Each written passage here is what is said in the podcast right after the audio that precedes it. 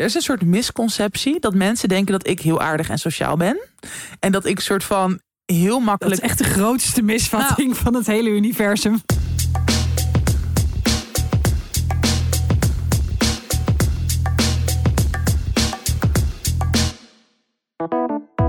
Hallo, welkom bij Tussen 30 en Doodgaan, aflevering 121 alweer op afstand. Ik ben in Hilversum en Tatjana Almoedi zit in Amsterdam. Ja, Malou Holshuis. Volgende dat week.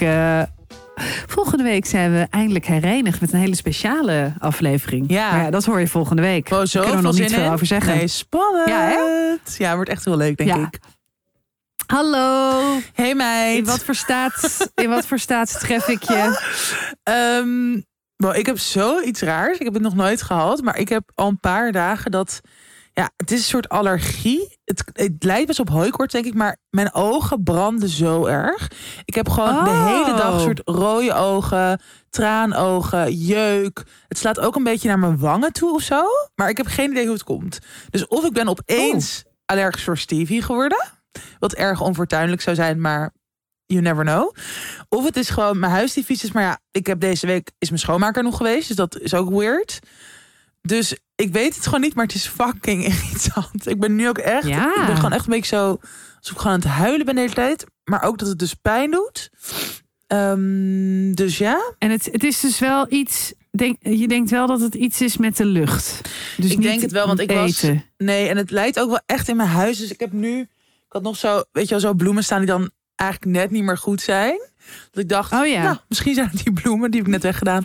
Oh ja, dat zou ook kunnen hoor. Ja, dat je, nou ja, het is allemaal erg overkomelijk, maar het is, het is irritant. Dus dat is nu mijn staat. En überhaupt, ik heb he- het is nu vrijdagmiddag, begin van de middag. Ja. Ik moet nog straks een deadline halen, nog iets voorbereiden. Maar daar, ik, ik kijk echt al soort sinds dinsdag uit naar het weekend. Oh meid, ook allergie. ja. Jezus. Ja, allergisch voor jouw verhalen. Ik ben allergisch voor jouw geklaag. Hey, deadline. Hatsjoe. Nee. Eh, ja, wat ga je allemaal doen het weekend? Ik ja, ga je niet hebt meer natuurlijk praten. hartstikke lang thuis. Bye. en dat ik dan deze hele Ja. podcast alleen Jij vol. Alleen maar. I don't care. Doe maar. Ook jouw ben wel naam in de benieuwd. samenwerkingen. Zo'n dialoog met jezelf. Wow, dat lijkt me best wel grappig om een keer te aanschouwen. Gewoon wel alleen Ik maar praten, praten, praten. Precies. En dan ook gewoon voor jou factureren, factureren, factureren. Bye, nee. Eh, eh, nee, wat ga je doen weekend? Ja, want je hebt natuurlijk echt een soort opgesloten gezeten. Ja, even, dus dat is met het je- denk ik ook. En ik heb gewoon wel heel veel gewerkt. eh, wat echt prima is. Maar ik merk nu wel dat ik gewoon even aan mijn tak zit. Qua inderdaad vooral alleen thuis zitten. En alleen maar werken. En ja, ik heb gewoon... Deze week had ik echt weer zulke extreme mood swings. Dat ik echt denk... Ja, ben ik niet toch gewoon... Ja, ik wil niet te veel therapie praten of in hokjes. Maar dat ik soms wel denk, ja, is dit normaal? Dat ik gewoon soort de ene dag ben ik, of volgens mij heb ik dat vorige week ook nog gezegd, dat ik, dat ik, of de week daarvoor of zo, dat ik gewoon, nou, dat het best wel goed ging en dat ik zo dankbaar, zonder eye roll, ik leer, yeah, Eh, ben voor mijn werk en dat ik zoveel leuke dingen mag doen, nou, bladibla. En dan soort, dat kan ik dan nu deze week ook weer de ene dag voelen en de volgende dag ben ik gewoon een soort ja, schim van mezelf. De hele dag aan het janken. Dat ik echt denk, wat, ja, wat ben ik aan het doen? Ik haat alles, ik haat iedereen. Maar dat kan gewoon per dag verschillen. Dat is niet normaal, toch? Wat is normaal? Eh, nee. Gewoon ook. nou, thanks. eh. Nee. Ehm, nou, kijk, eh, je hebt nou wel echt een best wel een heftige behandeling eh, achter de rug. Die ook eh, effect heeft op je hormoonhuishouding, toch? Ja, dat is waar. en, ehm, eh, en alles. En als ik. ik heb dit ook altijd, want dan lijkt het dat het per dag verschilt. Maar dat is gewoon een bepaalde week in mijn cyclus dat ik dus of dood wil, of een beetje dood wil, of denk, nou, ik wil ook wel op de bank liggen. En dan, als ik op de bank lig, dan lijkt het allemaal een soort van onder controle en oké. Maar eh, dat.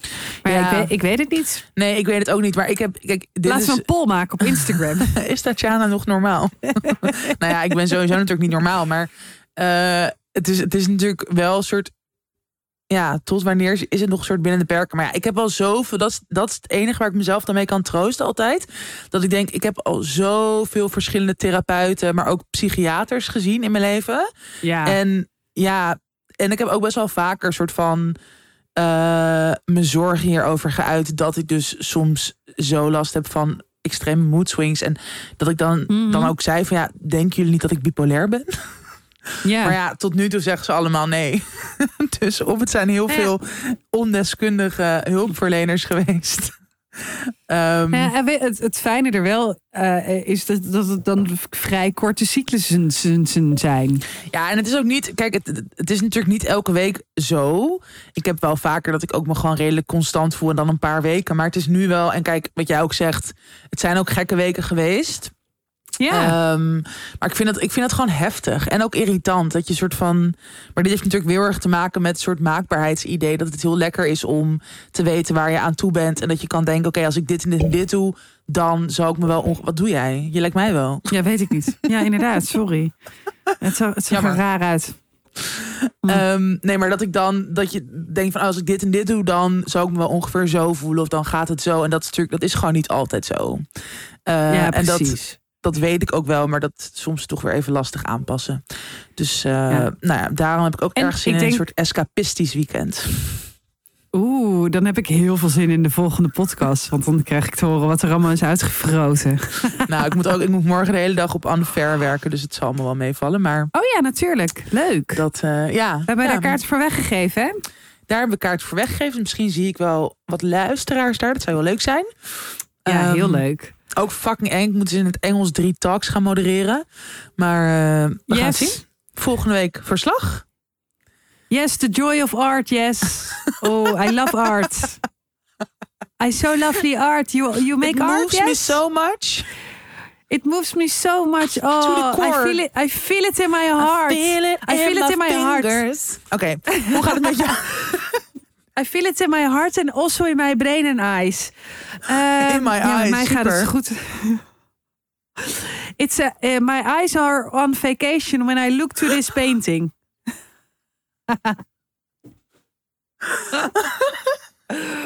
Oké, Eh, wat, moving on. wat ik altijd heb, ja, wat ik altijd heb met eh, in het Engels dingen presenteren of modereren. Of, Ja.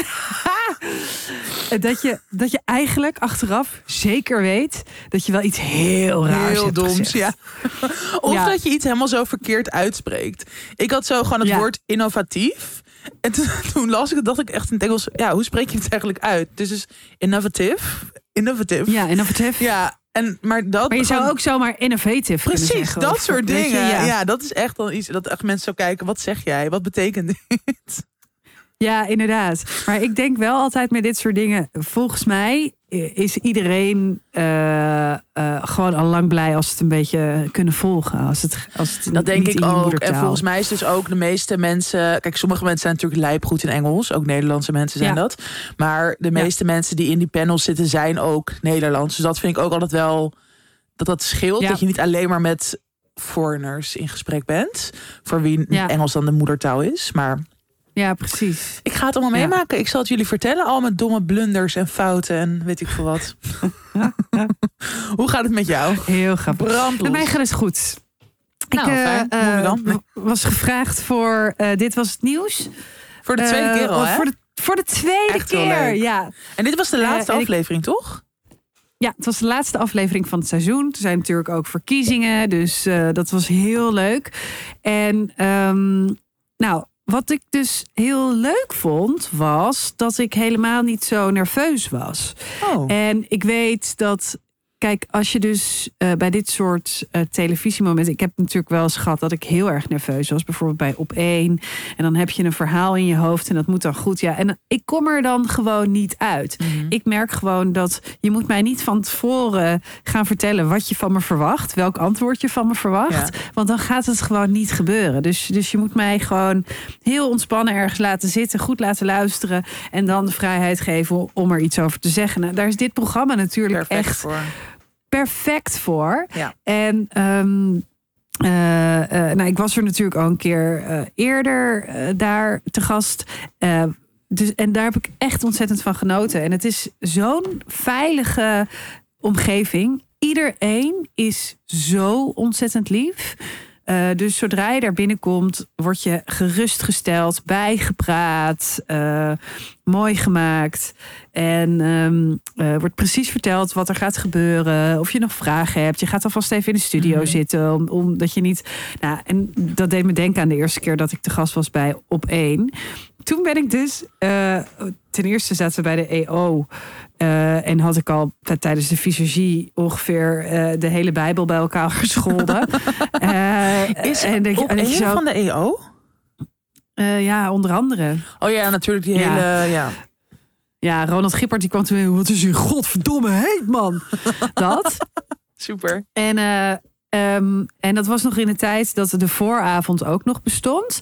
En toen, uh, en dat was tijdens corona. Dus eigenlijk mochten er niet zoveel mensen in, de, in het pand zitten. Maar daar hadden ze dan een soort ja, trucje voor. Namelijk, ik zat in mijn eentje in een lege vooravondstudio.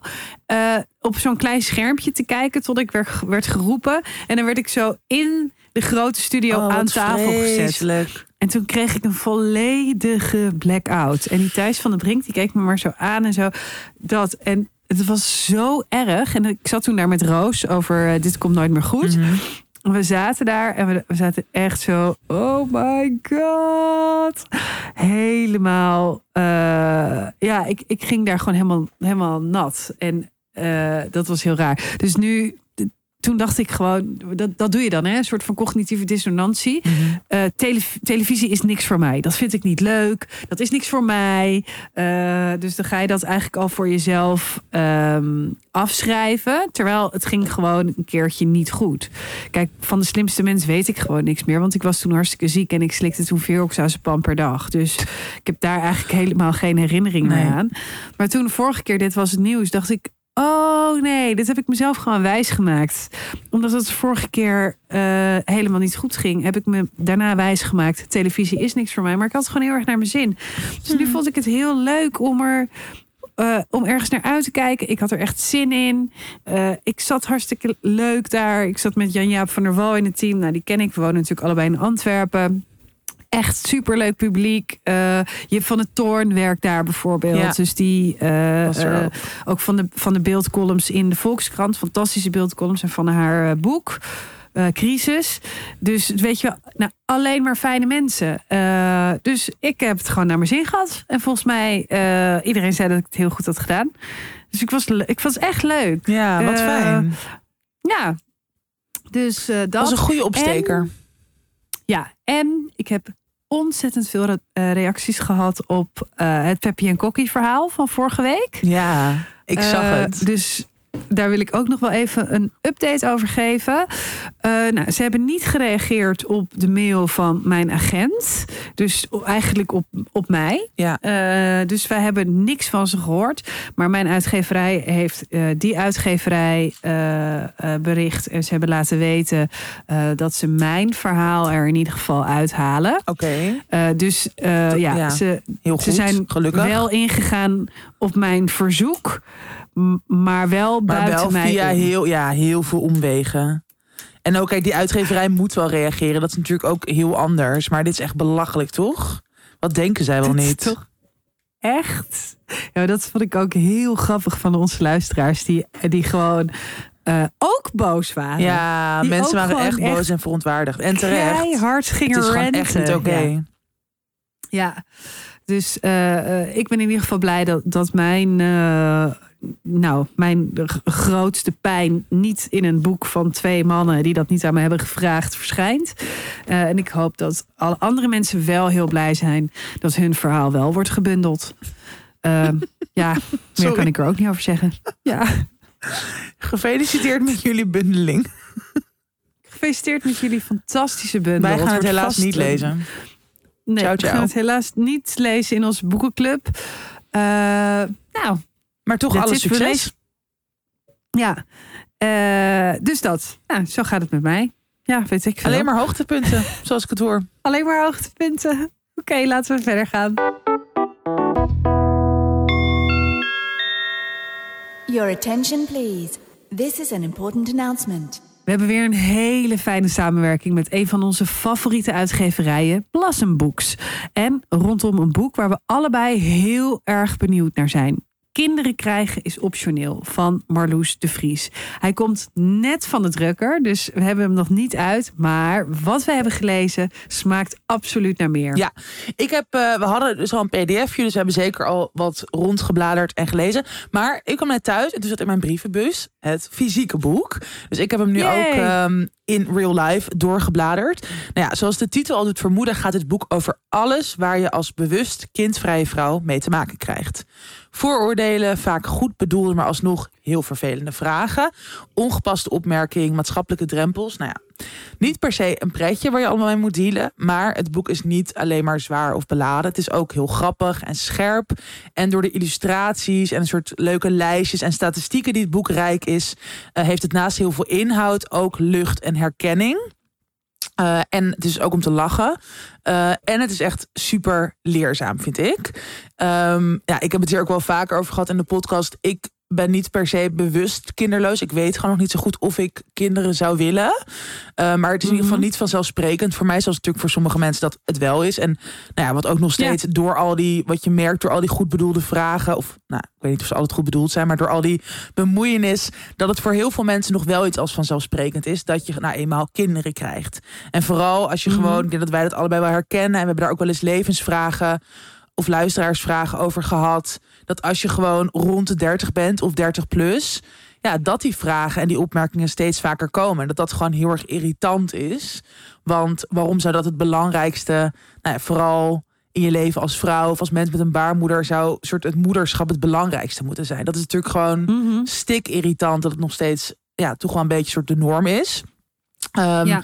En Marloes, ja, wat ik al zei, het is heel, het is heel uh, herkenbaar, al die opmerkingen die je dan krijgt. Maar wat ik er ook heel leuk aan vind, is dat ze bijvoorbeeld ook, ja, dus dan zo lijstjes wat dan voordelen zijn van, uh, ja, geen kinderen nemen bewust. Zowel voor mannen als voor vrouwen.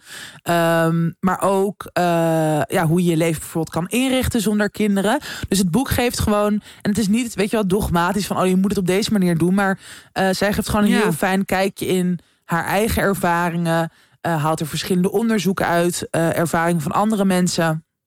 En ik denk dat het eh, ja, voor veel mensen een soort handvatten kan bieden en houvast als je ook met deze thematiek bezig bent. Ehm, Ja. ja, want hoe, hoe, hoe kijk jij naar dit boek of hoe verhoud jij je tot het thema? Nou, kijk, toen ik een relatie kreeg met Rinse, dat, eh, ehm, eh, kregen we natuurlijk die vraag eigenlijk meteen. Ook Ja. omdat wij schelen 13 jaar. Dus, eh, maar hij kreeg het meer. En, en meer ook eh, niet eens een vraag, maar zo eh, de aanname. Oh, dan wil zij zeker heel snel nog kinderen. Dan wil zij, Mm. hoe oud is ze? En dan ook, ook meteen gelinkt aan zo'n leeftijd van oeh, Ja. 32. Oeh, dan wil ze zeker heel snel wel kinderen nog. Wil jij dat nog wel? Ik vind het woord tweede leg, vind ik echt, dat zou Walgelijk. verboden moeten worden. Ja, dat vind ik echt walgelijk. Ja. Het heeft voor alle eh, betrokkenen heeft het iets. eh, Heel pijnlijks. Een, een soort scheiding. Ja. Ja, alsof, alsof daar. eh, ehm, eh, alsof dat iets is wat je. Wat, niet, wat in ieder geval niet samenhoort of zo. Nou, heel, heel gek. En. ehm, ehm, Kijk, ik ben er wel iets anders naar gaan kijken. Door, eh, om, omdat we natuurlijk nu steeds veel meer mensen eh, om je heen hebt met kinderen, met een gezin. En dat is dat het is hun grootste geluk, Mhm. die kinderen en het gezin. En ehm, als mensen het vragen van wil jij ook kinderen, dan probeer ik nu ook een beetje ervan uit te gaan dat ze dat vragen, omdat ze het mij ook gunnen. Ja. Dat grote geluk. Ja. Weet je wel, vanuit die.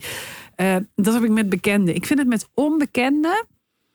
eh, vind ik het eigenlijk altijd gewoon nog steeds best wel een rare vraag. Je weet helemaal niks van mij. Eh, dus het zou een hele pijnlijke vraag kunnen zijn. Mhm. En eh, eh, ik merk dus dat ik daar best wel ehm, recalcitrant op kan antwoorden. Om iemand dan te laten schrikken, wat natuurlijk ook weer helemaal niet oké is. Maar ik heb wel eens gewoon tegen iemand gezegd. eh, eh, die vroeg: Wil je kinderen? Dat ik zei: Nee, nee, ik ben onvruchtbaar. Wat op dat moment zo was, want ik had spiraal. Dus het was niet geloofbaar, weet je wel. Maar wel zo dan van, oeh, ik zal jou eens even een lesje leren Ja. of zo. Maar ik, ja, ik weet niet. Soms, misschien heeft het dan ook weer heel erg te maken met wat voor bui je zelf bent. Soms vind ik het eigenlijk een hele lieve vraag. Eh, en soms vind ik het een vraag ehm, eh, waar ik, waarbij ik denk, wie, wie denk je wel niet dat je bent? Ja. En ja, ook omdat we natuurlijk nu toch wel. Het is heel grappig dat je heel erg bewust bezig moet zijn met het niet hebben of krijgen van kinderen. Ik bedoel, ik ben een jaar geleden gestopt met anticonceptie. Om te kijken, wil ik het dan nog steeds niet? Is het niet iets wat ik kunstmatig Ja. eh, in stand hou. doordat ik niet functioneer op mijn eigen hormonen. maar op een eh, gecontroleerd hormoonspiegel? En wat gebeurt er als ik dat even helemaal loslaat? Maar gelukkig, ja, bij mij is, is, is gewoon dat nog steeds hetzelfde. En ik had laatst eh, een interview en daar werd het ook eh, in gevraagd. Hè? Ehm, en ik merk ook dat mijn antwoorden nu steeds korter worden. Mm. Namelijk, nee, ik wil het niet. Ik heb het nooit gewild. Ja. En vaak probeerde ik dan ook nog antwoord te geven op de waarom-vraag. Oh, waarom Ja. niet? Terwijl de, het antwoord is gewoon, ja. Ja. ik heb het nooit gewild. Nee. Het is ook helemaal geen bewuste Nee. keuze om het niet te willen. Nee, dat zit ook heel erg in Dus- dit boek, vind ik. Dat dat heel goed is van ja, je hoeft ook niet altijd soort uitleg te geven. Of je hoeft niet een soort van hele waslijst met redenen te hebben. Eh, Nee. Gewoon als je het gewoon niet wil. Of je voelt dus niet die soort, weet ik veel, ouderhormonen. Of, of zo erg die, die drang. Of ja, wat je redenen ook zijn om het wel te willen. Dat hoef je dus andersom ook niet. Een soort van nee, ik Nee. wil het niet. Of nee, wat jij zegt, ik heb het nooit gehad. Of ik heb het nooit gevoeld. Dat is gewoon voldoende en legitiem. En nou ja, daar gaat het natuurlijk nu ook wel steeds vaker over. Dat, weet je wel, überhaupt gewoon in de wereld waar we nu in leven. En met dat er gewoon meer kapot gaat dan een Ja. soort van er is. Of er de komende tijd gaat zijn. Ook nou, onder meer door klimaatverandering. Ehm, ja, ga, gaat het er ook wel vaker over van ja, eigenlijk, weet je wel, waar zet je, op wat voor wereld zet je überhaupt kinderen? En eh, Mhm. dus ik vind het fijn dat het gesprek al meer is opengebroken. Maar ja, dat is ook wederom waar we het vaak over hebben, natuurlijk alleen maar in bepaalde kringen. Ehm, Ja. En nou ja, waar we, we hebben hier, wat ik net ook al zei, we hebben hier vaker luisteraarsberichten over gehad. Of mensen die twijfelen, of mensen die inderdaad gewoon zoveel ongevraagde adviezen of vragen of andere bemoeienissen krijgen en dat stik irritant vinden. En ik denk dat voor al die verschillende mensen en perspectieven eh, het boek Kinderen krijgen is optioneel echt een heel grote aanrader is. Omdat het dus zorgt voor begrip, herkenning, ja, dat nadenken zet. Ja, het ook wel kan ontroeren. ehm, en dus, nou, wat ik al zei, het taboe dat, of ja, ja, het is wel echt nog steeds denk ik een taboe in ieder geval in bepaalde Ja, kringen. Dat rust op geen kinderen willen krijgen, daar heel bewust voor kiezen. Eh, dat dat het echt nog meer openbreekt en het gesprek aangaat. En nou ja, dat taboe hopelijk eh, op de korte of De langere termijn brandstapel mag. weg kan nemen. Ja, Ja, het is heel erg goed en belangrijk. En we hebben echt een hele mooie winactie. Alleen, kijk, over kinderen gesproken. ja ik zie je er door wild lopen. Hey, eh, ik weet niet of ik de naam mag wild. Ja, ja, ja, zeker. Hey. Eh, we hebben echt een super mooie winactie via Instagram deze week. Geef een mooi gesigneerd boek weg. Ja. Hou onze Instagram eventjes in de gaten. En alleen tussen 30 en doodgaan luisteraars... die kunnen ook nog de kans krijgen om een gesigneerd boek eh, te kopen. Van Kinderen krijgen ze optio- optioneel. Er liggen er vijf klaar, vijf gesigneerde. Dus hoe sneller je er eentje bestelt... hoe sneller je een gesigneerd exemplaar krijgt. Dus om kans te maken op een van die vijf gesigneerde exemplaren van Marloes... dan is het nodig dat je via de website van Blossom Books een order plaatst en daarbij eh, een bestelnotitie toevoegt, namelijk de code TDED 2023, dus tussen 30 en doodgaan 2023. Dus ehm, dan krijg je daar wellicht een gesigneerd exemplaar. Maar Ja. hou onze Instagram in de gaten, want we mogen ook één zo'n prachtig boek Ja. weggeven. En het is echt prachtig. Het is dus rijk geïllustreerd. De binnenkant heeft een soort heel vet neonroze ehm, ja, binnenwerk. Het ziet er echt heel mooi uit. Dus naast de eh, nou, super interessante inhoud, wat we al uitgebreid hebben besproken, is het ook ehm, een lust voor het oog. En dat is toch ook fijn. Een lust Want daar houden wij en onze oog. luisteraars ook van. Ehm, Het is wel heel leuk, want je zou het ook heel passief-agressief op je koffietafel Ja. kunnen leggen als je schoonouders weer eens langskomen. nou ja, oprecht. Het is wel een soort van of cadeau geven aan iemand waarvan je denkt: oké, jij stelt altijd de irritante vraag hierover. Ja, ik vind het best wel een goede. Heel gewoon Gewoon aan je ouders, nee, je schoonouders geven. Gewoon onder Ja. de kerstboom. Alsjeblieft. Gewoon Bye. irritante kennis of collega, whatever. Eh, inderdaad, de perfecte Precies. tijd van het jaar om dit te laten verschijnen. Alle feestdagen komen Ja. eraan. Nou ja, die code eh, en het linkje naar de Blossom Book website... die staat ook in onze show notes natuurlijk. En daar vind je ook meer informatie over het boek. Dus ehm, ja, lezen. Veel leesplezier. Lezen, later.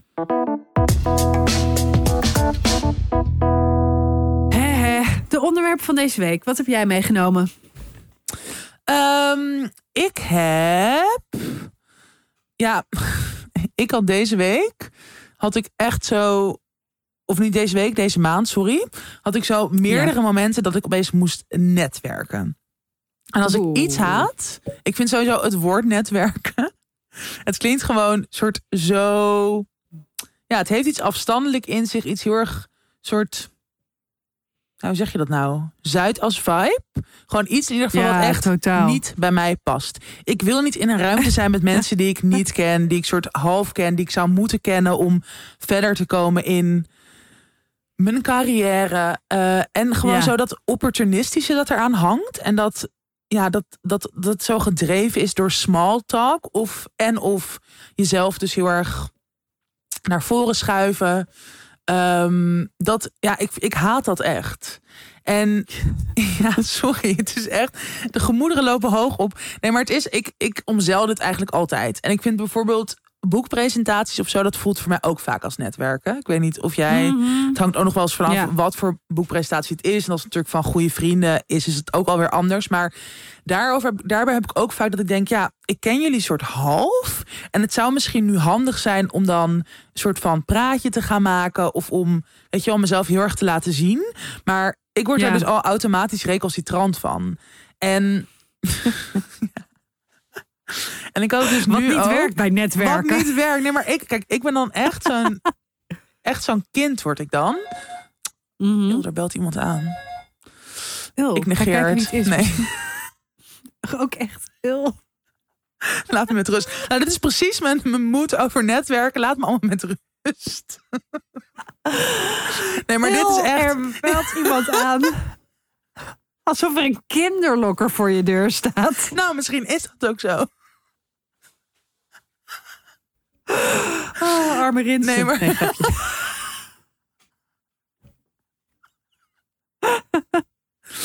Ehm, nee, ik heb, ik heb gewoon dan... Ik, ik verander dat dus ook echt in een soort kind. Dus bijvoorbeeld Mhm. vandaag was ik ergens aan het netwerken. Nee, ik was vandaag op, op een ja, een soort borrelachtig iets. En ik omzeil het dus ook heel vaak. Dus 9 van de 10 keer zeg ik dat ik niet kan. Of ik zeg eerst toe en dan zeg ik dat ik ziek ben. Of weet je, nou, gewoon smoezen. Ehm, Maar soms denk ik, nou oké, nu zou het wel goed zijn. Of dan gaan er mensen die ik wel ken en gewoon leuk vind. Dan denk ik, nou oké, let's get it over with. En vandaag was ik dan ehm, dus ook met, met, met gewoon een goede vriendin. En dan, ja, dan sta ik daar en dan gewoon in zo'n ruimte met allemaal mensen. Dan denk ik, ja, wat doe ik hier? Eh sommige, maar sommige, het is niet dat ik van iedereen, niet dat ik niemand leuk vind, of dat ik soort van potentieel, on- met, weet je, Mhm. automatisch al denk, oh, dit zijn echt niet mijn types. Dat helemaal niet. Maar het is meer dat ik gewoon het heel erg moeilijk vind om mezelf dan een soort van, ja, weet ik veel, te presenteren of zo. Zo voelt het heel erg. En dan Ja. denk ik, ja, ik sta nu naast mijn vriendin en haar vind ik gewoon super leuk. Dus dan ga ik gewoon de hele tijd als een soort van kind gewoon zo de hand vasthouden van mijn vriendin. En gewoon een beetje zo Mhm. tegen haar aanhangen. En dat is dan, ja, wat ik doe. En dan soms komt er iemand naar mij toe en dan kan ik daar prima een gesprekje mee voeren. Maar het is Ja. al met al is het echt van ja, wat de fu- fuck doe jij hier? Blijf gewoon in je eigen huis. En wat ik Ja. ook lastig hier aan vind, is dat er, en niet per se alleen met netwerk, maar er is een soort misconceptie dat mensen denken dat ik heel aardig en sociaal ben. En dat ik soort van heel Dat makkelijk. is echt de grootste misvatting van het hele Het universum. is wel een beetje zo. Zeg maar, ik, ja, ik kan heus heel aardig zijn en sociaal, maar eigenlijk wel vooral bij mijn eigen in-crowd. Bij mensen waarvan ik gewoon Ja. het gevoel dat ik denk, ja, ik vind jou zo leuk als persoon. Ik wil gewoon met jou zijn. Dan ben ik, dan Ja. ben ik denk ik dat best wel een leuk persoon. Maar dat Ja, ben ik zeker. echt niet bij iedereen. En een soort mensen denken dat dus wel. Eh. Dus dat is ook een beetje een lastige. Nou, maar weet je wat ook wel weer heel charmant is aan jou? Jij, kan, jij hebt een soort van. eh, eh, in, in positief hè, bedoel ik dit. Een soort van charmant. eh, eh, ik wil zeggen, een soort pest dingetje. Maar, maar pesten klinkt te net. Maar ik ben wel een roaster, ja. Ja, jij kan, jij, jij, jij kan een beetje mensen zo treiteren en zo. Waardoor. Oeh, nou, waar ben ik mee bezig de hele tijd? Lijkt echt jou wel. Eh, waarbij je dus wel weer een soort van ijs breekt. En ook weer ergens heel toegankelijk wordt omdat je dus daarin eh, eh, ook heel veel ruimte geeft aan mensen om eh, daarop te reageren en zo. En dat kan je heel goed hebben. Maar ik, ik snap wel. Ik, sn- ik snap dus zeg maar als mensen deze podcast luisteren, dat die denken: wow, heel open en heel. Ja, nee, kijk, ja, die kant heb ik wel, maar gewoon niet zomaar bij iedereen. En al helemaal niet dus op dit soort evenementen waar ik gewoon denk. Ja, wie de fuck zijn Ja. al deze mensen? En dat is ook eigenlijk, heeft dat ook wel iets ergs. Ehm, ik zag laatst een documentaire over, het was een heel, heel leuke documentaire eh, van twee doek over een conciërge op, het, ehm, op de Rietveld Academie. En Ja. hij werd gevolgd en het ging over zijn achtergrond. En nou, eh, hele innemende, grappige man. Maar dat hij ook, of, of volgens mij zei zijn vrouw iets over hem van ja. ehm, mensen moeten zich ook een beetje bewijzen of zo. Of mensen moeten een soort van laten zien dat ze, dat ze zijn tijd of energie of aandacht waard zijn. En toen dacht ik, ja, volgens mij Mhm. heb ik dat ook. maar ik weet niet precies waar dat vandaan. Eigenlijk vind ik dat ook best wel erg. Ehm, Ja. Maar dat is dan, ja, het is wel, het is ook, ik bedoel, we zijn toch allemaal gewoon fucking druk. We hebben al veel te veel hooi op onze vork. Eh, ja, waarom zou je dan ook nog eens een soort van heel veel energie en tijd gaan steken in mensen die je of niet kent, of die je waarschijnlijk daarna nooit meer ziet, of die je dus misschien Ja. ook gewoon niet echt interessant vindt of waar je niet echt wezenlijk mee klikt. Ja. Eh, en ik denk dat het ook wel, en dat vind ik er positief aan, dat ik vroeger wel echt veel meer pleaserig was. En dat ik ook, ook echt heel graag leuk gevonden wilde worden door iedereen. En daar best wel mee bezig was. En dat is Mhm. denk ik ook wel met de tijd gewoon minder geworden. Dat ik denk, ja, prima als je me kut vindt of arrogant of gewoon, ja, een vervelend mens.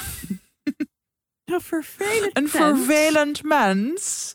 Dat, dat ja, Ik dat is oké, ja.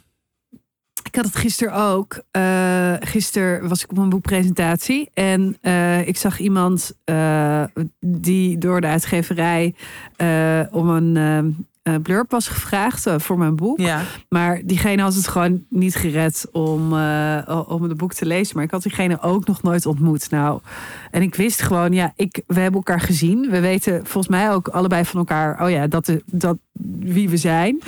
Zo van, oh ja, dan, dan moet ik dus naar diegene toe om even te zeggen, oh hey, ja hoi, ik dacht, ja hey, hoi, ja, ik dacht, ik, ik, ik kom even gedacht zeggen, kom me maar even voorstellen, ja, want ja, we weten natuurlijk wel, ja, want ja, van Instagram en Twitter en ja, ja, ik lees natuurlijk ook jouw boeken en je nou, dat. En dan sta je zo, oké, oké, doei, Ja, snel weg. ja, ik vind dat ook Eh. heel... Maar dat is ook, zeg maar, je ontkomt er gewoon niet helemaal aan. En het is ook, Nee. het is ook dubbel, want... eh, ja, wel een paar van gewoon goede vrienden ben ik ook wel op dat soort evenementen tegengekomen. Ehm, Ja, dus het is ook, weet je, het kan natuurlijk wel dat het gewoon heel erg klikt, maar gewoon zo alles eromheen en dat je vooral dus dat je gewoon dan toch een soort, ja, eigenlijk je bent dus dan wel bezig met, oh, deze mensen moeten mij leuk vinden of interessant vinden. Of ik moet een soort van mijn beste beentje voordoen. En dan krijg ik er misschien, weet je wel, leuke klussen uit. Of dan gaan ze sneller aan me denken. Ja. En dat staat me gewoon heel erg tegen. Hoe ben, Ja. jij, jij, hoe ben jij hierin? Jij vindt dit ook kut, zeker? Ja. eh, ik- Of ga jij überhaupt ooit naar dit soort dingen? Nee, ik ga echt bijna nooit naar dit soort dingen. Ik ga natuurlijk wel naar boekpresentaties van vrienden. Ik heb er straks weer één. Eh, maar ik merk dan dus. Eh, ja, nee, ik ben er ook echt absoluut niet goed in. Ik, ik zit in hoekjes met mensen. En dan, als je toevallig dan met de goede zit en die zegt dan: hey, wil je een keertje dit of dat komen doen? Dan, dan is het gewoon een soort van mazzeltje. Ja. Maar ja, jezelf verkopen en eh, ehm, nee. Ook omdat ik gewoon heel veel dingen helemaal niet wil doen. Nee. Ik ben ook helemaal niet zo ontzettend ambitieus met nog allemaal superveel projecten. Ik wil gewoon op mijn kamertje een boek schrijven. Ja, ja. Ja, en daarna wil ik, wil ik over mijn boek komen praten of komen voorlezen of eh, dat soort dingen doen. En, eh, eh, en soms, kijk, wij hebben natuurlijk nu ook wel de mazzel dat we voor heel veel dingen worden gevraagd. Mhm. Weet je wel, het ligt er bij ons niet aan eh, eh, het is niet erop of eronder. Of Nee. moet nu echt. We, we hebben gewoon hartstikke volle agenda's en, en zo. Dus ja, ik, eh, voor mij, ik ben eigenlijk nu veel meer bezig om meer nee te zeggen op dingen dan, dan dat ik denk, oh ja. Maar het is natuurlijk altijd supergoed. Ook omdat je je gewoon dan minder ongemakkelijk gaat voelen op dit soort Ja, momenten. Dat is zeker waar. ja. Ehm, Je raakt er natuurlijk ook Dus- soort van getraind in. En ik, ik kan ook wel soms mensen benijden. Want het is ook niet dat iedereen een soort van super nep is die bezig is met netwerken. Weet je, sommige mensen zijn er echt goed in, maar ook om dus soort dicht bij zichzelf te blijven. ja, Ehm, precies. En dat komt waarschijnlijk wel door gewoon oefening. Ja, en, oké, ik denk dat, dat, dat, dat dit het is. Het interesseert me ook gewoon heel vaak niet. Dus ik stel dan allemaal vragen aan mensen Ja. die me eigenlijk helemaal geen reet ja, boeien. precies. En ik heb echt, ik wil heel eventjes een kleine ode aan de netwerkkoning van het hele universum. Dat is namelijk Daan, mijn beste vriend. Die man is zo ontzettend sociaal, sympathiek. En uh, ook al, je, mer- en je merkt ook, volgens mij komt het omdat hij hotelschool heeft gedaan. Mm. Weet je wel, het is, ik bedoel, hij, is, hij heeft een diploma voor mensen zich welkom. Ja, eh, het is gewoon een soort van een tweede natuur geworden. Zeker. Dus ook als Daan nieuwe mensen ziet of leert kennen zo. eh Hoi, hoe was je naam? Charlotte. Hallo Charlotte. Mm. Eh, bla bla bla. En dan binnen vijf minuten vraagt hij: Charlotte, kan ik anders eventjes een drankje voor jou halen? Ja. En dan komt hij terug. Charlotte, hier heb jij eh, een witte wijntje. En nou, Charlotte, wat doe je? Charlotte dit, Charlotte dat. En ik denk alweer: Jezus, als jij nou nog één keer het woord Charlotte zegt, dan ga ik jou ook de hele avond Charlotte noemen. Dus dat zei ik weer daarna. Oh ik sta God. dan weer dom te doen. Ja. Terwijl hij eh, heeft gewoon een heel leuk ge- geïnteresseerd gesprek met Charlotte. En het maakt, en dan zegt hij daarna, zo'n leuke vrouw die Charlotte. Nou, die doet dus dit, dat. En die heeft dus daar gewerkt, weet je wel. Waar die en die. Heeft ook, ook allemaal andere mensen kent hij dan ook nog. Want dat heeft hij ook allemaal onthouden. Oké, en die en die, van daar en daar Charlotte. Nou, eh, dag Charlotte, tot de volgende keer Charlotte. Wow, ik kan me dit gewoon eh, niet voorstellen. Hoe kan je zo zijn? Ik vind het geweldig. Ik wil Daan zijn in een volgend leven. Ja, nou ja, Wow. ik denk, ik zei, ik zei ook wel eens tegen Daan, je moet gewoon hier ook cursussen Ja? bij gaan geven. En helemaal, je moet cursussen gaan geven aan half autistische creatieven die hier helemaal geen scheid zin It's in hebben. Ja. Oh man. Wow, leuk. Maar, ja, Zin in deze cursus? eh, zin in deze cursus. Cursus normaal doen op borrels.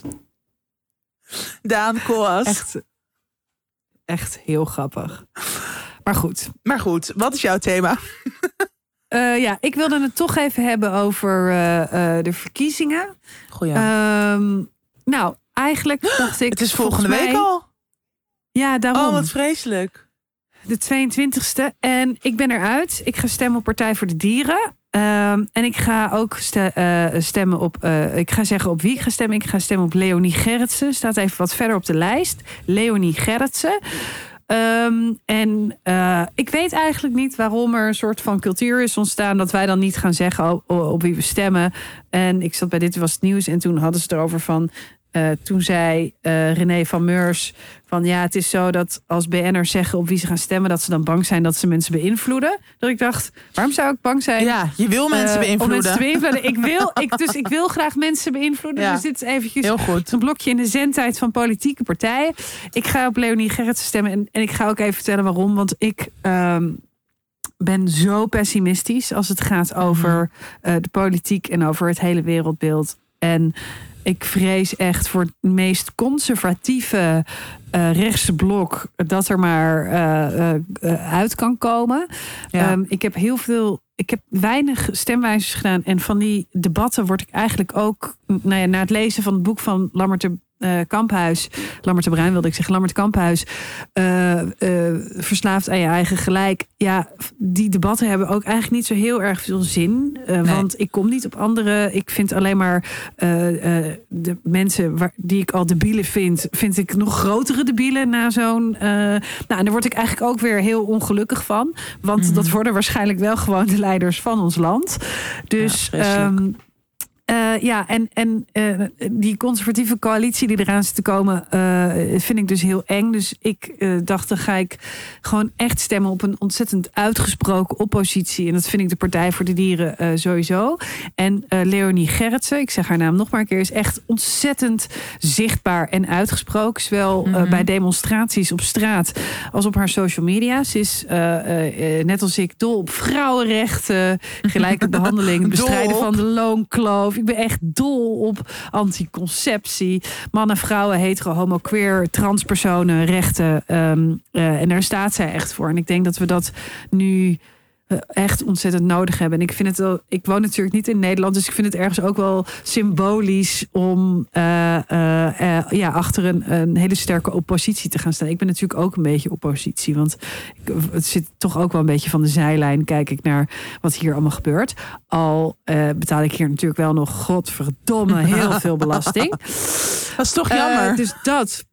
Ja, en verder denk ik dat het gewoon echt ontzettend goed is om nog eventjes te zeggen hier in deze podcast dat je moet gaan stemmen. Mhm. En kijk vooral eventjes naar, uh, weet je, uh, sites als kijk eventjes niet naar de politieke sites, maar kijk naar sites als Women Inc., uh, het Humanistisch Verbond. Uh, uh, kijk eventjes Check naar de kiesmannen. Lilith. Die vind ik ook heel Ja. goed werk doen.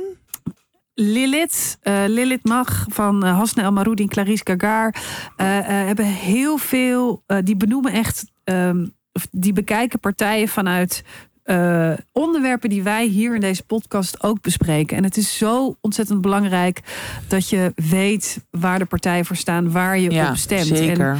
En Bijvoorbeeld om, te, om, om maar een voorbeeld te noemen. Ik had, ik had even gekeken van wie doet wat als het gaat om eh, racisme. Hè? Nou, bijvoorbeeld eh, PVV, FVD doen heel veel aan racisme. Gewoon heel veel. Zijn er heel veel mee bezig. Ja, ze zijn er echt superveel mee bezig. Het zit ongeveer in iedere letter van hun partijprogramma hebben ze het over racisme. Eh, maar goed, dan niet echt op de, op, de, op de manier zoals wij willen stemmen, denk ik. Ik bedoel, ik spreek eventjes ook voor jou nu. Maar ehm, kijk, nee, het gaat eh, bijvoorbeeld over racisme. Wat ik zo bizar vond, was dat eh, Pieter Omzicht toch bekend oh, de- zijn rol in het toeslagenschandaal. Toeslagenschandaal ook weer bekend om het insti- in, institutioneel racisme. Ja, Dat, dat racisme niet voorkomt in zijn partijprogramma. ja dat is echt absurd. Dan wat natuurlijk echt ontzettend raar is en, en idioot en achterlijk. En eh, wat je dus misschien wel van hem zou verwachten, want toeslagenschandaal. Eh, en dus niet zo is. En als je dat dus eventjes gaat bekijken via sites als Humanistisch Verbond, Women in, Kiesmannen ehm, of eh Lilith Mag, dan kom je toch. Nou, eh, ik, ik werd verrast door eh, standpunten van sommige partijen, waarop ik dus uiteindelijk nu eh, wel echt een hele fijne, duidelijke keuze heb gemaakt voor mezelf. Ja. Weet jij het al? Sorry voor deze monoloog. Weet jij het Nee. al, Tatjana? Mijn Ehm, podcastpartner. ja, ik denk dat ik wel. ehm, ik weet nog niet op wie ik ga stemmen. Dat ga ik dit weekend, dit weekend even Ja. op. ehm, even op researchen. Maar Mhm. ik ga wel, denk ik, Partij van de Dieren GroenLinks stemmen. En dat Ja. is wel echt strategisch. En ik hou Eh niet... PvdA. Oh, wat zei ik? Ja, dus. nee, niet Partij van de Dieren. Partij Nee, voor de Dieren. nee, ik zei dus inderdaad Partij van de Arbeid slash GroenLinks. Ja. Ehm, en ik hou helemaal niet van strategisch stemmen. Ik heb dat volgens mij nog nooit gedaan. Ik ben altijd Mhm. Partij van de Dieren of bijeen de afgelopen twee jaar. Of af, ja, afgelopen Ja. jaren bijeen en daarvoor Partij voor de Dieren eigenlijk altijd. Ehm, omdat ik me ideologisch het meest met deze partij verwant voel. Of, of gewoon, ja, Ja. maar ik ben ook, ja, wat jij zegt, ik voel me ook heel pessimistisch, vooral best wel angstig over dat fucking. Mhm. Kijk, natuurlijk VVD en eh, eh, Forum van de wow, Forum van de Democratie en eh, PVV, maar gewoon al die nieuwe rechtse partijen. Het zijn er zoveel eigenlijk. En het, Ja. dat rechtse blok wordt alleen maar groter voor dat extreem rechtse blok. Ja. Ehm, waar inderdaad, als je nou precies de thema's die jij net noemde, die ik ook belangrijk vind, migratiebeleid, ehm, überhaupt Ja. institutioneel racisme, vrouwenrechten, klimaat, daar scoren zij natuurlijk allemaal, of de meeste daarvan, op eigenlijk al die thema's heel slecht. En ik ja, Ja. heb toch wel het idee dat eh, PvdA en GroenLinks in ieder geval de meeste kans hebben om de meeste zetels binnen te harken. En dan hopelijk gewoon nog wat tegenwicht. Of dat, weet je, dat, dat er niet omheen, Ja. om hen omheen Ja. kan. Maar ik vind het wel lastig hoor, omdat ik gewoon ja, op, op sommige fronten vind ik hen wel te laf of dat ze zich niet genoeg uitspreken. Dus dat, ja, nogmaals, ik, ik vind dat ja, moeilijk. Maar ik heb nu op dit moment Mhm. dat ik denk, dan maar liever, weet ik veel, 80% of 85%, weet je wel, met ze eens zijn. En Ja. dan daar een stem aan geven op dit moment. Want volgens mij, ehm, nou ja, hoe dan Ja. ook, is er gewoon mega behoefte aan een progressief linksblok. Ja.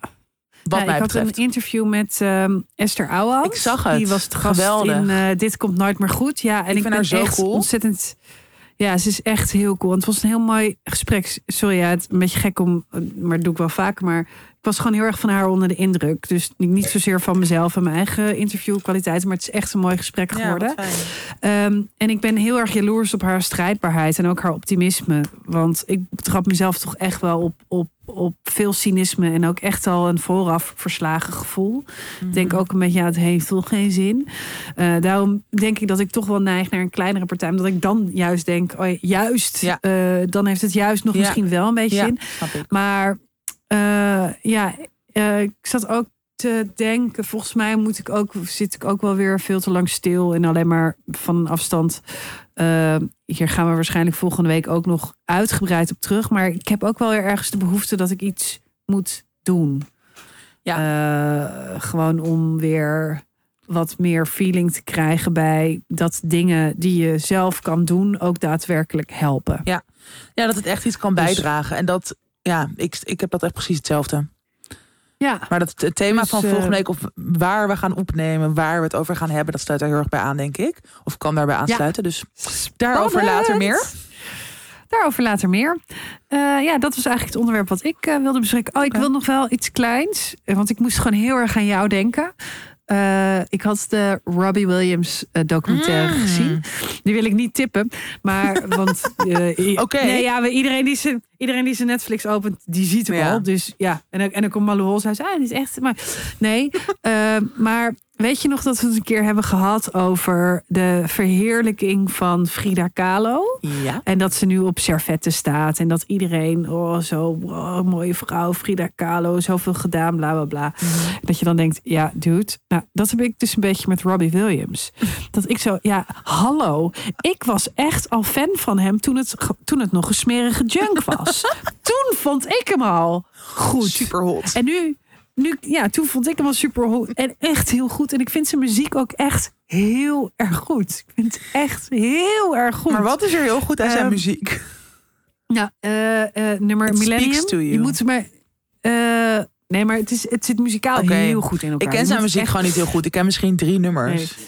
Maar, maar dat heb ik dus nu. Dus nu is iedereen zo. Oh, die? Ja, Robbie Williams. Oh. En iedereen eh, loopt opeens met hem weg. Dat ik denk, ja. Maar ik liep ook al met hem weg voor de eerste kliniek. Hè? Hallo. Ja, eh, kom op zeg. Oké, jij hebt gewonnen, Ehm, Malou.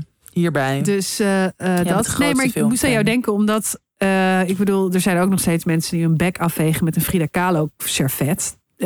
Dat kan jij weer niet hebben. Maar ik snap, ik, ik, ik, dat gewoon iemand weggaat met iemand. Mensen lopen weg met iets wat, wat. eh, het zo, ja, hè, hè, dat zei Nou ja, ik toch. en- ja, heel precies. erg, zei ik toch Ja, dat snap ik. eh, eh, gevoel heb ik. Dat wist ik al, dat zei ik toch. En nu doe jij alsof jij het opnieuw hebt. Alsof jij Robbie Williams hebt uitgevonden. Oh, hij maakt inderdaad echt ook hele goede nummers. Ja, al 25 jaar, ja. Zo. Nou, Goeie Dat. uitsmijter. En- Thanks for sharing. ja, goede uitsmijter, alsjeblieft. Dankjewel. Eh laten we verder gaan. Your attention, please. This is an important announcement. Dit komt als geroepen, want ik heb zin in chocola. En het Chocolate Makers is de duurzaamste chocolademaker in het schap. Ze zijn 100% biologisch en produceren geheel op zonne-energie in Amsterdam. Nou, dat is natuurlijk fantastisch. En het is ook nog eens echt super lekkere chocola. Heel veel verschillende Ja. smaken. En die wij al eh, in grote getalen hebben uitgeprobeerd. Geïnhaleerd. Geïnhaleerd. en het kinderfeestseizoen komt er ook weer aan. Eh, over een paar weken is het natuurlijk Sinterklaas. Doe jij nog Ja. iets eh, met, nou ja, ofwel je patchwork gezin... of met je volwassen vrienden iets met Sinterklaas? Nee, tenzij Sinterklaas eh, volledig via TikTok eh, eh, gevierd kan worden, doen we, doen, doen we hier met de pubers iets met Sinterklaas. Nee, maar wat is wel. eh, mijn oma was echt altijd een eh fervent. eh chocoladeletteruitdeler. Dat was Ah. echt haar ding. Dus daar begon ze echt al, ja, nou, echt in september al te inventariseren met wie welke smaak ook alweer lekker vond. Nou, dat verneukte ze dan volledig eh, door iedereen andere smaken te geven. En dus ja, dit, dit is misschien ligt hier een schone taak voor mij om dat toch. Om die traditie nee, een soort echt. van over te gaan nemen. Nou, en ja, ik heb een keer een, een gesprek gehoord tussen Teddy, de dochter van Rins, en mijn oma. En mijn oma vroeg welke smaak wil je? En Teddy zei wit. Ja. En mijn oma verstond de hele tijd bitter. En dan zei oma, nee, wit. Ja, bitter. Nee, wit. Ja, bitter. Oh my Eh, god. Nee, oké, wit. Oma ze wil wit. Nou, toen had ze er ook nog drie keer over gebeld. Wel, dat wilde Teddy ook alweer. Oma, Teddy wilde wit. Ja, drie keer raden wat ze kreeg. Ze kreeg Zo bitter. extra pure, Dus gore reep. Extra. Nou ja, sommige mensen vinden dat heel erg lekker, maar ik vind dat dus ook niet mijn Ja. eh, favoriet. En jij? Doe jij? Want je hebt ook van die mensen die, die vieren dan eh, Sinterkerst. Nee. Dat bestaat niet, dat woord. Je viert of kerst of Sinterklaas. Oké, nou duidelijk. Eh, ik vier eh, geen Sinterklaas, maar ik was wel met een vriendin laatst, want ik heb het wel zo in het verleden dat ik dan met een paar vriendinnen dat we zo gedichten voor elkaar gingen schrijven en dan niet met hele surprises erbij, maar gewoon echt wel gewoon een mooie tekst voor elkaar. En dat vind ik ja, eigenlijk wel heel lief. leuk, dat je gewoon zo even stilstaat bij een persoon of bij iemands afgelopen jaar of bij vriendschap. Ja. Ehm, ik denk dat dat nu toch een beetje te laat is, omdat nu, nou ja, het zou nog wel kunnen. Nou, wie weet ga ik dat nog wel Ja. even organiseren. ja. Ik vind dat wel gewoon Leuk. even ergens bij stilstaan en dat lekker veel chocola voor elkaar kopen. Ehm, ja. Why not? Nou, voor degene die dit festijn sowieso met een vriendengroep aanpakken. Of voor mensen met jonge kinderen, neefjes, nichtjes, ga zo maar door. Voor Sinterklaas hebben de chocolate makers voor het eerst drie vegan Sint-letters in een aanbieding. En, ja, feest, feest, feest, feest, feest. Eh, en de altijd uitverkochte Sint-reep met Sint Sinterklaas kruiden. Ja, die is heel Die lekker. is zo lekker. Nou, niet voor niks natuurlijk altijd uitverkocht. Maar die is eindelijk weer op voorhand. Ja, Ja. dus dat is ook echt super. En, en- en- en wat ik nu ga zeggen lijkt wel het Sinterklaasjournaal van Diewertje Blok. Oh, maar ik mag dit gewoon voorlezen. De cacao voor alle Sint-producten komen per zeilschip van de Dominicaanse Republiek naar Amsterdam. Helemaal emissievrij. Wow. Eh, dat, maakt, dat maakt het echt een fantastisch cadeau. Ja. Het is goed voor het regenwoud, het klimaat eh, en heel erg lekker. Iedereen wordt hier blij van. Ja, echt geweldig. Voor de luisteraars van Tussen 30 en Doodgaan is er nu een speciale kortingscode op het Chocolate Makers assortiment. Met de code TDED15 in hoofdletters, dus TDED15, tussen 30 en Doodgaan 15, krijg je 15% korting op alle chocola van de chocolatemakers.nl. Dus ja, lekker in grote getalen inslaan deze heerlijke chocola die ook nog eens hoog scoort op duurzaamheidsgebied. Win, win, win, win, win. Yay! Win, win, win, win, win. Oké, tips. Ik tip Tips, tips, tips. het boek De Muze van Lauren. Ik weet niet of het Lauren is of Lauren of Lauren. In ieder geval, Nou, een vrouw met een leuke naam. mevrouw Snel. Van Lauren, Lauren of Snel. Dat is de achternaam. Ik, ik eh, ben nu ongeveer op de helft. Oh, maar Lou is heel veel aan het zwaaien. Ja. Helemaal oké. Dag allemaal. Mhm. Dag allemaal. Ik ben, eh, ik ben nu op de Succes, helft. sterkte. Hallo, kan ik even mijn betoog over dit boek afmaken? Jij bent op de helft. Ja, sorry. Ik ben op de helft van deze roman. En het is echt, ja, het is een heerlijk boek. Eh, ik raas er doorheen. Het is een roman. Het gaat over een, ehm, eh, een vrouwelijke fotograaf, jonge fotograaf, die naar Berlijn verhuist met een ja, soort koffer vol met eh, eh, camera's. Om een soort van het echte kunstenaarsbestaan op te zoeken naar in dus Berlijn. En dat is ja ook weer zo typisch, maar ik wil dat eigenlijk ook. Leuk. Het lijkt mij echt geweldig om in Berlijn te wonen. Ik ben dus maar één keer in Berlijn geweest in mijn leven. Maar ik voelde me daar een soort zo erg eh, op mijn plek. Ik had helemaal zo, eigenlijk nog bijna nog meer dan ik in New York had. Maar dat je zo helemaal gewoon op elke straathoek voelt van... oh, hier kan nu iets gebeuren. Of wat ziet dit er vet Ja. uit. Of wie zijn deze mensen. Of Ja, ik, ik, een hele vette stad. Ik wil er ook in het voorjaar misschien ook wel, nou in ieder geval gewoon een paar weken naartoe. In ieder geval, Ik het vind hoofdpersonage zo- van Oh, het sorry. boek. Nee, zeg maar. Zeg Nou, maar. wat ik altijd heel erg grappig vind, is dat als iets er in Amsterdam verkrekt of een beetje loodsig of industrieel uitziet, zeggen mensen Wow. altijd: Ja, is hier toch net Berlijn? Zo Berlijn. Zo Berlijn. Ik had, ja, het is gewoon verkrekt, maar prima. Ja, dat is mijn smaak. Je kan hier op een krukje zitten. Oh, en koffie drinken. Oh, zo, Berlijn. Anyway. Eh, het hoofdpersonage Sorry, ja. die vertrekt dus naar Berlijn. En met gewoon helemaal zo, ja, inderdaad zo'n droom van... oh, hier ga ik dit hele, ja, beetje een soort rauwe, romantische bohemian kunstenaarsleven leiden. Eh, zij ontmoet een mannelijke schilder die haar wil schilderen. En ja, gewoon thema's in het boek. Het gaat heel erg over macht. Het gaat over kijken en gezien worden. Heel erg die soort dat spel tussen eh, male en female gaze, wat ik altijd heel interessant vind.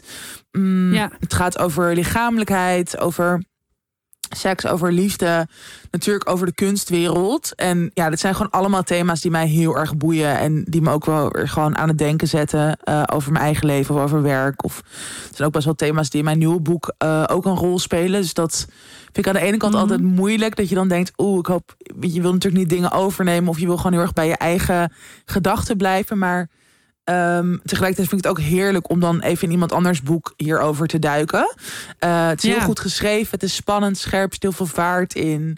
Ehm, dus nou ja, nogmaals, ik heb het niet helemaal uit, maar tot nu toe een hele grote tip. De Muze. Mhm. En jij? Leuk. Ik tip het boek Over de Kop van Brankele Frank. Het is een non-fictieboek. Mhm. Ik heb het hier. Het ziet er waanzinnig uit. Ehm, en ehm, zij is neurobioloog. En zij wilde haar eigen burn-out begrijpen. Dus Wow. ehm, ja, ze merkte dat ze echt een gebrek aan kennis had. En ze dacht dat als ze meer wist over haar eigen burn-out... dat ze dan ehm, ja, dat, het eh, beter zou kunnen genezen ook. Mhm. Eh, dus met het idee eh, dat als je het begrijpt... dat je er dan sneller vanaf komt. Mhm. En ehm, ehm, nou, eigenlijk waar ze achter is gekomen... is dat je een burn-out ook daadwerkelijk in de hersenen kan zien. Dus dat het veel lichamelijker is dan dat wij denken. Ja. En eh, eh, eh, geestig is, of nou ja, geestig, bitterzoet is eigenlijk dat tijdens het schrijven van het boek over haar burn-out kwam ze weer in een nieuwe burn-out terecht. Wow, wat Ehm, heftig. Dus ja, en, zij is echt gewoon twee jaar helemaal van de kaart geweest. Dus ehm, kijk, zij zegt: Dit is het boek dat ik graag eh, gelezen zou hebben. eh, nog voordat ik eh, mijn eerste klachten krijg. Dus eigenlijk is het gewoon belangrijk voor iedereen die stress ervaart. Ja. Om dit boek te lezen, Ja. omdat je zo voordat je eigenlijk nat gaat op je eigen klachten en doorgaat, dit, dit kan gaan herkennen. En nou ja, dit boek zegt ook dat, ja, weet je, dat wat er gebeurt als je dat dus niet doet. Dus het is eigenlijk gewoon echt een boek voor iedereen. Ik denk dat het ook een heel goed boek is voor mensen die te maken hebben met iemand met een burn-out. Mhm. Want ik heb volgens mij, ja, ik vind het eigenlijk nog steeds, ik sta dit te vertellen. En ik ben erin begonnen en nog steeds. Ik heb een hele goede vriend die een burn-out heeft gehad. Mhm. Ehm, ik denk nog steeds, ja, ergens van, oké, maar als je nou morgen gewoon je wekker zet en gewoon gezond weer Mm. opgaat, dan is er toch eigenlijk niks aan de hand. Ja. Dus het was voor mij echt een eye-opener om te horen dat dit dus gewoon een hele lichamelijke Ja. ziekte is. Ja, oh, interessant. dus, en eh, eh, wat ik er ook nog even bij wil vermelden is dat het ontzettend goed is geschreven. Heel humoristisch, heel duidelijk, leuk taal en ook af en toe goede illustraties. Dus ehm, ja, eh, echt een eh, dikke vette aanrader. Oké, nice. Nice. Laten we naar het luisteraarsbericht gaan. Yes. Beste Tatjana en Malou, elke maandag luister ik met veel plezier naar Tussen 30 en Doodgaan. En omdat jullie wekelijks levensvragen behandelen, wil ik graag jullie advies. Sinds een half jaar heb ik een relatie met mijn vriend. Hij is vier jaar jonger dan ik en wil mij eigenlijk altijd zien. Hij eist het niet van mij, maar uit het wel. Ik vind het moeilijk omdat ik behoefte heb aan ruimte voor mezelf. We communiceren er goed over, maar toch heb ik het gevoel dat ik hem altijd teleurstel als ik aangeef dat ik niet wil afspreken. Wanneer ik dan toch te veel met hem afspreek, zei ik hem af als we samen zijn. Hij gaat hier begripvol mee om, maar het is wel kwetsend voor hem. Het komt erop neer dat hij te aardig is en heel veel voor mij doet. Hierdoor voel ik me erg schuldig omdat ik niet hetzelfde kan en wil bieden. Hoe kunnen we ervoor zorgen dat onze verhoudingen weer gelijkwaardig zijn? Wel, goede vraag, wel. Mhm. Ja, Ehm, Ehm, ik denk dat je echt heel erg moet stoppen met voor iemand anders nadenken. Ja. Want volgens mij ga je dan automatisch shit voor hem invullen. Ehm, eh, en ga je dus ook. nou, je zegt dus elk. Ik, zei ik hem af als we weer samen zijn. En dat doe je omdat je te veel met hem afspreekt. En dat doe je omdat je eigenlijk voor hem nadenkt. eh, omdat je denkt, ja, want anders is het lullig voor hem. Maar eh, ja, je zegt hij is vier jaar jonger dan ik en hij is hartstikke gek op jou. Oh ja, volgens mij moet je gewoon heel erg bij jezelf blijven en jouw grenzen aangeven. En ehm, niet voor hem nadenken over hoe, hoe dat. nee. Hoe, hoe hij, ja, weet je wel, dat hij dat misschien dan niet leuk zou vinden. Ook als je er goed over kan communiceren. Ik zou het namelijk ook heel irritant vinden als iemand continu voor mij nadenkt en dingen voor mij invult. Nou, dat zou ik irritanter vinden dan iemand minder vaak zien als ik eigenlijk die behoefte heb. Ja, zeker. Ik denk dat het gewoon dat het inderdaad heel vaak gaat over communicatie. Eh, Mhm. Zoals alles. Maar dat het soort. Ja, kijk, tuurlijk kan hij teleurstelling voelen als hij jou misschien vaker wil zien dan jullie elkaar daadwerkelijk zien. Als jij je grenzen aangeeft. Maar die teleurstelling die is echt minder erg als hij gewoon weet waar hij aan toe is. En dat hij ook weet dat hij soort van. Dat jij er echt helemaal zin in hebt en dat jij er helemaal bij bent. Natuurlijk is dat ook niet altijd het geval, maar overal. Als jullie afspreken. En dat je dan ook gewoon echt het enthousiasme voelt van ja, ik wil hem nu op dit moment zien. En Mhm. ik denk dat dat echt veel meer waard is dan dat jij een beetje soort van ja, half op hete kolen. Omdat je eigenlijk gewoon meer behoefte hebt aan ruimte voor jezelf. Dat je dan, weet je, met hem, weet ik veel wat aan het doen bent. Terwijl je eigenlijk gewoon Ja. thuis met een boek wil zitten. Eh, Ja, en dat hij dat ook gewoon voelt. En niet iedereen die nee krijgt, is meteen teleurgesteld. Hè? Ja, dat ook nog Ik eens. bedoel, he- sommige mensen kunnen ontzettend goed tegen het woord nee. Ja. En ontzettend Ja, maar goed het is natuurlijk wel als jij wat, wat, wat de briefschrijver zegt van hij wil mij wel vaker zien. Dus daar zit natuurlijk dan wel een soort behoefte eh, in. En als dat dan niet doorgaat, ja, dan is dat wel vaak jammer, toch? Ik bedoel, misschien ook. Ja, maar Ja, misschien denkt hij wel, oh ja, prima, dan ga ik iets anders doen. Weet Ja. je, of wil, wil jou graag zien, Ja. maar ik kan ook Ja, dat is eh, waar. eh, dit of dat. ja en ik denk ook Dus- wat, wat je zegt over die verhoudingen weer gelijkwaardig zijn. Inderdaad, het gaat denk ik allemaal heel erg over een soort heel helder communiceren wat je allebei wil. En dan kijken hoe je elkaar daarin kan vinden. En dat is dus soms Ja. compromissen sluiten. Maar het is denk ik vooral inderdaad naar jezelf durven luisteren. En daar ook gewoon ruimte in innemen. Eh, en ook Ja. dat je zegt van hij doet heel veel voor mij. En ik kan hem niet hetzelfde bieden. Ja, dat is eigenlijk, dat hoeft ook niet per se erg te zijn. Als je daar dus ook duidelijk over bent. En als hij ook soort van niet over zijn grenzen gaat door veel dingen voor jou te doen. Maar dat is inderdaad wat jij Ja. zegt, Malou. Dat inderdaad. Ehm, vul dat ook niet voor hem in. Als hij daar moeite mee heeft, Mhm. of als hij zelf het gevoel heeft van: oh, het is ongelijk, of ik doe veel meer voor jou, of ik verlang iets anders van jou, dan moet hij dat ook aangeven. Dat is net zo goed zijn eigen. Weet je, jullie hebben daar allebei je eigen verantwoordelijkheid in. En als je dat goed met elkaar communiceert, dan is er denk ik eigenlijk niet heel, heel, heel veel, of hoeft er in ieder geval niet heel veel aan de hand te zijn. Ja, en misschien ook als je dus hem, als je merkt dat jij hem aan het afzeiken bent, misschien op dat moment ook even het gesprek opengooien. Van hé, hey, ik merk dat ik dit weer doe. Omdat En, dit en ehm, dit. Ja, precies. Want eh, ja, het lijkt me niet leuk. Voor, het lijkt me niet leuk dat voor jezelf. Dat je zelf merkt dat je iemand aan het afzeiken bent terwijl je dat eigenlijk niet wil. Nou, voor hem lijkt het me ook niet heel leuk. Tenzij hij er heel opgewonden van wordt. Kan. Kan hè, no judgment. Kan gewoon. Ik bedoel, ik heb laatst een boek eh, daarover gelezen. Dat mensen dat heel opwindend kunnen vinden. Maar goed, eh, ja. Eh, ik, ik zou er gewoon heel erg over praten en zo min mogelijk proberen in te vullen voor een ander. Ja. Eh, want los van dat hij jou heel graag wil zien, heeft hij het waarschijnlijk na, zonder jou ook heel leuk. Ja. Ja. zou zomaar kunnen. Ja. Dat. Oké, goeie. Oké, nou, leuk. Eh, volgende week zijn we er weer vanaf een hele bijzondere plek. We gaan, nou, dat hoor je eigenlijk volgende week gewoon. Ja. Welke plek dat is. We gaan ergens live. Of nou ja, ja, gewoon ja, ergens leuk. opnemen op locatie. Heel leuk. precies. Ehm, Wil jij adverteren dan kan dat. Moet je even een mailtje sturen naar Jules van de Samenwerkingen of Amanda van de Samenwerkingen naar tussen 30 en doodgaan gmail.com. Ja. Of, Of? Of gewoon een envelop sturen met geld. Ja, dat mag ook. Naar, Heel veel geld naar eh, ons beider. Ja. En als je leuke of boeiende, interessante, moeilijke levensvragen hebt, dan kun je die ook mailen tussen 30 en gmail.com of naar onze DM sturen op Instagram tussen 30 en ja, dat was het voor nu. Volgende week zijn we er weer. dat was het voor nu. Ciao, Tot ciao. volgende Stemmen week. allemaal. Dat is het Ciao. belangrijkste deze week. Stemmen. Allemaal stemmen. Allemaal links stemmen. Ja. Doei! Doei!